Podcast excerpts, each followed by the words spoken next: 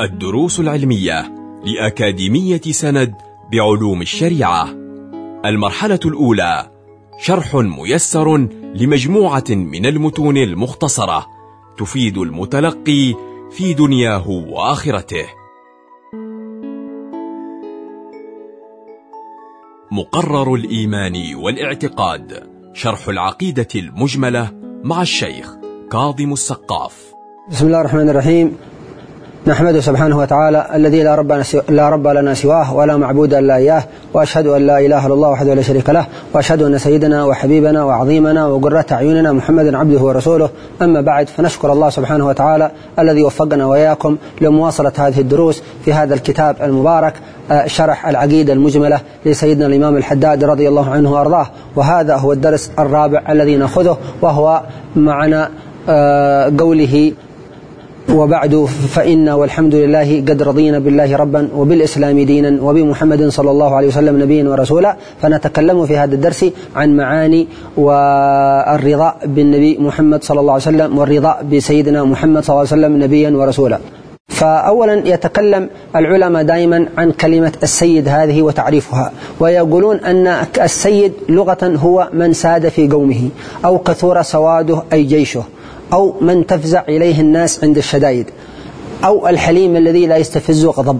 فكل شخص من الأشخاص اتصف بإحدى هذه الصفات يقال له في اللغة العربية سيد. من ساد في قومه أو كثور سواده أي جيشه أو من تفزع إليه الناس عند الشدائد أو الحليم الذي لا يستفزه غضب وقد اجتمعت كل هذه الصفات في نبينا محمد صلى الله عليه وسلم. لذلك هو سيد السادة صلوات الله وسلامه عليه. وقد وصف المولى سبحانه وتعالى في القرآن أناسا بأنهم سادة. فقال في حق سيدنا يحيى وسيدا وحصورا ونبيا من الصالحين.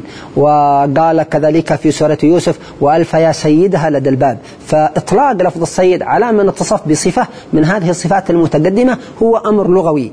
ولكن يطلق السيد هنا على نبينا محمد صلى الله عليه وعلى آله وصحبه وبارك وسلم الذي عبر عن ذلك هو صلى الله عليه وآله وصحبه وسلم في حديث البخاري الصحيح. فقال أنا سيد ولد آدم ولا فخر. فعبر في كثير من الروايات بأنه السيد صلى الله عليه وآله وصحبه وسلم أعظم العباد سيادة وسؤددا ورفعة عند الله سبحانه وتعالى وعند خلقه هو النبي المصطفى صلى الله عليه وآله وصحبه وسلم. لذلك كما قال لنا هو صلى الله عليه وآله وصحبه وسلم أن من قال رضيت بالله ربا وبالإسلام دينا وبمحمد صلى الله عليه وآله وصحبه وسلم نبيا ورسولا كان حقا على الله أن يرضيه أو دخل الجنة. فدائما نردد هذه الألفاظ. وقد أشرنا سابقا إلى أن الرضا هو الاقتناع والقبول مع الفرح ليس مجرد القبول. فعندما نرضى بشيء نكون قابلين له ومقتنعين وفرحين بذلك أيضا ربما نصل إلى درجة الفرح والسرور بذلك الأمر الذي نحن نرضى به. فكذلك نرضى بنبينا محمد صلى الله عليه وسلم نبيا ورسولا وخاتم الأنبياء والمرسلين. نرضى ونفرح بتخصيص الله سبحانه وتعالى وتشريف الله لنبينا محمد صلى الله عليه وسلم. أن جعله خاتم الأنبياء والمرسلين وأن جعله أفضل الأنبياء والمرسلين ويترتب على هذا الرضا. إذا كان حقيقيا أمور يمارسها المسلم وتمارسها المسلمة ويطبقها في حياته وتطبقها كذلك المسلمة في حياتها هذه دلالات وعلامات على امتلاء باطن المؤمن بالرضا بالنبي الأعظم صلى الله عليه وآله وصحبه وسلم. فمن ذلك مثلا من علامات الرضا برسول الله صلى الله عليه وآله وصحبه وسلم. أولا نصرته صلى الله عليه وصحبه وسلم. فكل من رضي برسول الله صلى الله عليه وسلم نصار رسول الله صلى الله عليه وسلم وفدى رسول الله صلى الله عليه وسلم بروحه وبماله وأهله. وإذا لاحظنا الكوكبة النورانية الأولى التي كانت في زمن الرسول صلى الله عليه وسلم من الرجال ومن النساء كيف كانوا يحبون رسول الله صلى الله عليه وسلم وهي دلالات عميقة وكبيرة جدا على ماذا؟ على رضاهم بالرسول صلى الله عليه وسلم وفرحهم برسول الله صلى الله عليه وآله وصحبه وسلم وشكرهم لله عز وجل على نعمة وجود الرسول صلى الله عليه وآله وصحبه وسلم وتذكرهم بماذا؟ بمنة الله عز وجل في بعثة الرسول كما ذكر لنا ربنا سبحانه وتعالى حيث قال لقد من الله على المؤمنين إذ بعث فيهم رسولا من أنفسهم يتلو عليهم آياته ويزكيهم ويعلمهم الكتاب والحكمة. انظر إلى أو اسمع هذا التعبير الإلهي اسمع إلى هذا الخطاب الرباني. لقد من الله على المؤمنين. بماذا؟ إذ بعث فيهم رسولا من أنفسهم. فمنة الله عز وجل علينا عظيمة جدا ببعثة النبي المصطفى محمد صلى الله عليه وسلم. فمن رضانا برسول الله صلى الله عليه وسلم أن نفرح ببعثة رسول الله صلى الله عليه وسلم. ونفرح بماذا؟ بتخصيص رسول الله صلى الله عليه وسلم بهذه الكمالات والمواهب التي أعطاه الله عز وجل إياها وخصصه من بين سائر الأنبياء بما لم يعطي أحد من الأنبياء والمرسلين. فهذا من علامات رضانا بالرسول صلى الله عليه وآله وصحبه وسلم. الأمر الأول. الأمر الثاني من علامات رضانا بالرسول صلى الله عليه وسلم كما قلنا أن نحيي في قلوبنا محبته صلى الله عليه وسلم. كيف نرضى به رسول ويطالبنا بمحبته صلى الله عليه وسلم. وربنا عز وجل يقول إذا أردتم محبتي اتبعوا هذا الحبيب ثم نترك بواطننا لا تزداد فيها محبة النبي صلى الله عليه وسلم. نملي قلوبنا وبواطننا بمحبة الرسول ونزداد في هذه المحبة نزيد هذه المحبة. بماذا؟ بالصلاة والسلام عليه صلى الله عليه وسلم بالشوق إليه صلى الله عليه وسلم بتذكر خصائصه بتذكر كمالاته بتذكر ما أعطاه الله عز وجل. نزداد محبة برسول الله صلى الله عليه وآله وصحبه وسلم وكفاء بهذه المحبة دلالة على الفوز وعلى السعادة في الدنيا وفي الآخرة. هذا الأمر الثاني أن نزيد في قلوبنا من محبة النبي صلى الله عليه وسلم. الأمر الثالث يعني من معاني ومن دلالات الرضا بالرسول صلى الله عليه وآله وصحبه وسلم والإيمان الكامل والتصديق والفرح به صلى الله عليه وصحبه وسلم أن نحيي سنته صلى الله عليه وسلم. هذا الأمر الثالث أن نحيي سننه فينا في أولادنا وفي بيوتنا بما نقدر أن, أن نقوم به. بعض السنن قد تكون صعبة على بعض الناس إلا على الأقوياء من المؤمنين. مثل متابعته صلى الله عليه وسلم في نومه عندما يتهجد ينام الليل ثم يقوم ثم ينام إلى آخر ذلك. لكن هناك سنن ما هو العذر في تركها وهي سنن يسيرة كسنن الطعام والمنام والدخول والخروج واللباس والركوب هذه إلا تدل على غفلة جلية كبيرة جدا. فنراقب أنفسنا ونحاسب أنفسنا أننا لا بد لنا من متابعة نبينا صلى الله عليه وآله وصحبه وسلم في السنن المستطاعة. قد يقول بعض أنا لا أقدر أن أتابع النبي صلى الله عليه وسلم في هذه السنة ولكن انظر هناك سنن يوميا تتردد عليك وعليك أيتها المسلمة. نقدر أن نقتدي بالنبي صلى الله عليه وسلم فيها خصوصا أنه صلى الله عليه وسلم يقول كما روى الإمام الطبراني من أحيا سنتي عند فساد أمتي فله أجر مئة شهيد. في رواية أخرى عند البيهقي من أحيا سنتي عند فساد أمتي فله أجر شهيد. فلا آه، نغفل ولا نسمح لأنفسنا بالتساهل في إحياء سنن النبي صلى الله عليه وسلم وفي القيام بسنن الرسول صلى الله عليه وسلم. لا نحاول أن نرفع أنفسنا وأن نحزم مع أنفسنا حتى تقتدي بالنبي صلى الله عليه وسلم وتتابع الرسول في العبادات في في آداب الطعام في الصلوات كيف يكبر كيف يصلي فيما يمكن لكل إنسان الاقتداء برسول الله صلى الله عليه وسلم. انظر أيها الأخ إلى بعض العلماء الذين هم يوصفون بالمتابعة لرسول الله صلى الله عليه وسلم. ماذا قال؟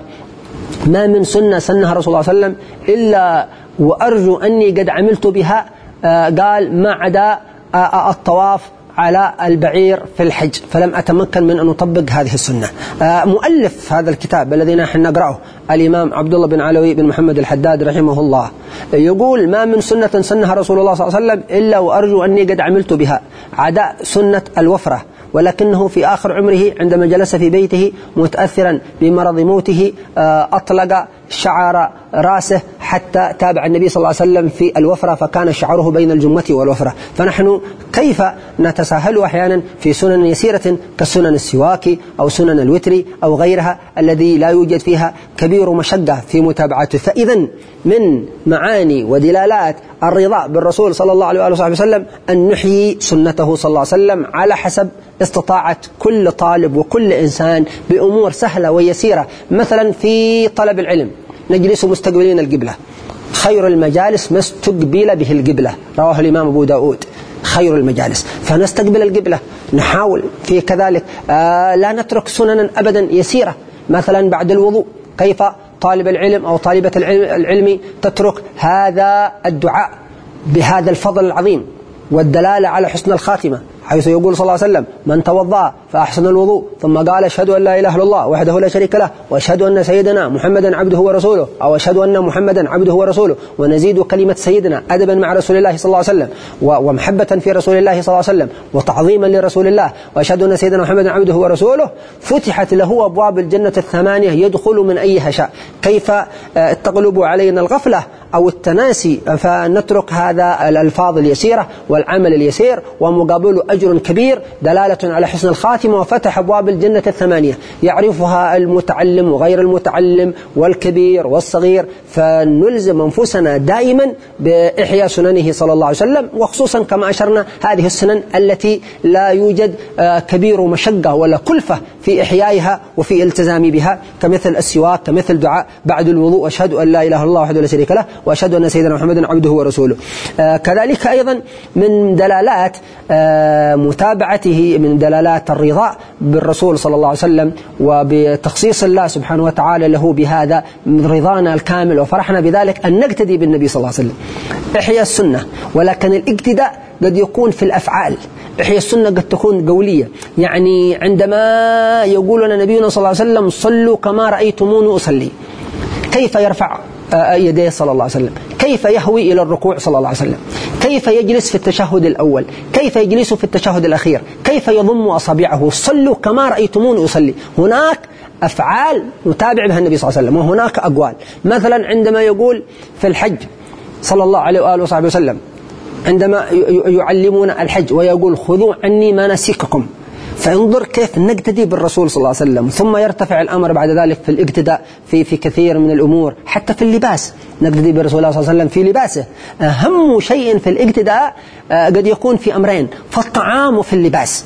طعامنا كما كان يأكل رسول الله صلى الله عليه وسلم لباسنا كما كان يلبس رسول الله صلى الله عليه وسلم. ثم نقتدي بعد ذلك بالرسول في أقواله في أفعاله في مشيته كيف كان يمشي صلى الله عليه وسلم كيف كان يتبسم في وجوه أصحابه كان كثير التبسم في وجوه أصحابه. لا نغفل عن ماذا؟ عن الإقتداء. فنحن نعمل أحيانا أعمالا لكننا مع الغفلة عن أننا نقتدي فيها بالرسول صلى الله عليه وسلم وأن إمامنا وقدوتنا رسول الله صلى الله عليه وسلم. فتجري من المسلمين أمور تلقائية. بعض المسلمين يلبسون القميص ولكنه ينسى أن هذه سنة عظيمة من سنن رسول الله صلى الله عليه وسلم. يلبس القميص كعادة يلبس القميص كتراث. في بلده وتقليد ويغفل أن هذه سنة وأن حب الثياب إلى رسول الله صلى الله عليه وسلم القميص.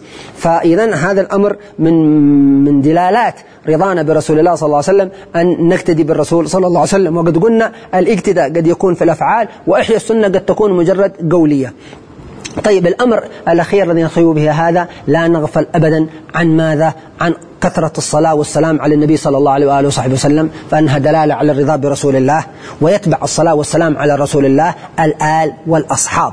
عندما نصلي على رسول الله وعلى آله وأصحابه أو نترضى عن أصحاب رسول الله صلى الله عليه وسلم ونصلي على آله صلى الله عليه وآله وصحبه وسلم لا شك أن هذه دلالة واضحة وعلامة صريحة على الرضا بالرسول صلى الله عليه وعلى آله وصحبه وسلم لنا على الرضا بالنبي أو بالرسول محمد أو بمحمد بن عبد الله نبيا ورسولا من الله أن نكثر الصلاة والسلام عليه شوقا له وإجلالا له وتعظيما لقدره عند الله سبحانه وتعالى وتعظيما لأصحابه رضي الله تعالى عنهم وأرضاهم وتعظيما لأهل بيته كذلك أيضا الذين قال فيهم النبي صلى الله عليه وسلم آه، آه، أذكركم في أهل بيتي أرقبوا محمدا في أهل بيته فكل تلك دلالات على رضانا بالرسول. ولا ننسى كما نشير دائما إلى أن نردد هذا اللفظ رضينا بالله ربا وبالإسلام ديما وبمحمد صلى الله عليه وسلم نبيا ورسولا حتى يفيض الله عز وجل على قلوبنا معاني الرضا بهذا الرسول معاني الرضا بهذا الدين معاني الرضا بالله سبحانه وتعالى وبما يجريه علينا عز وجل من أحكامه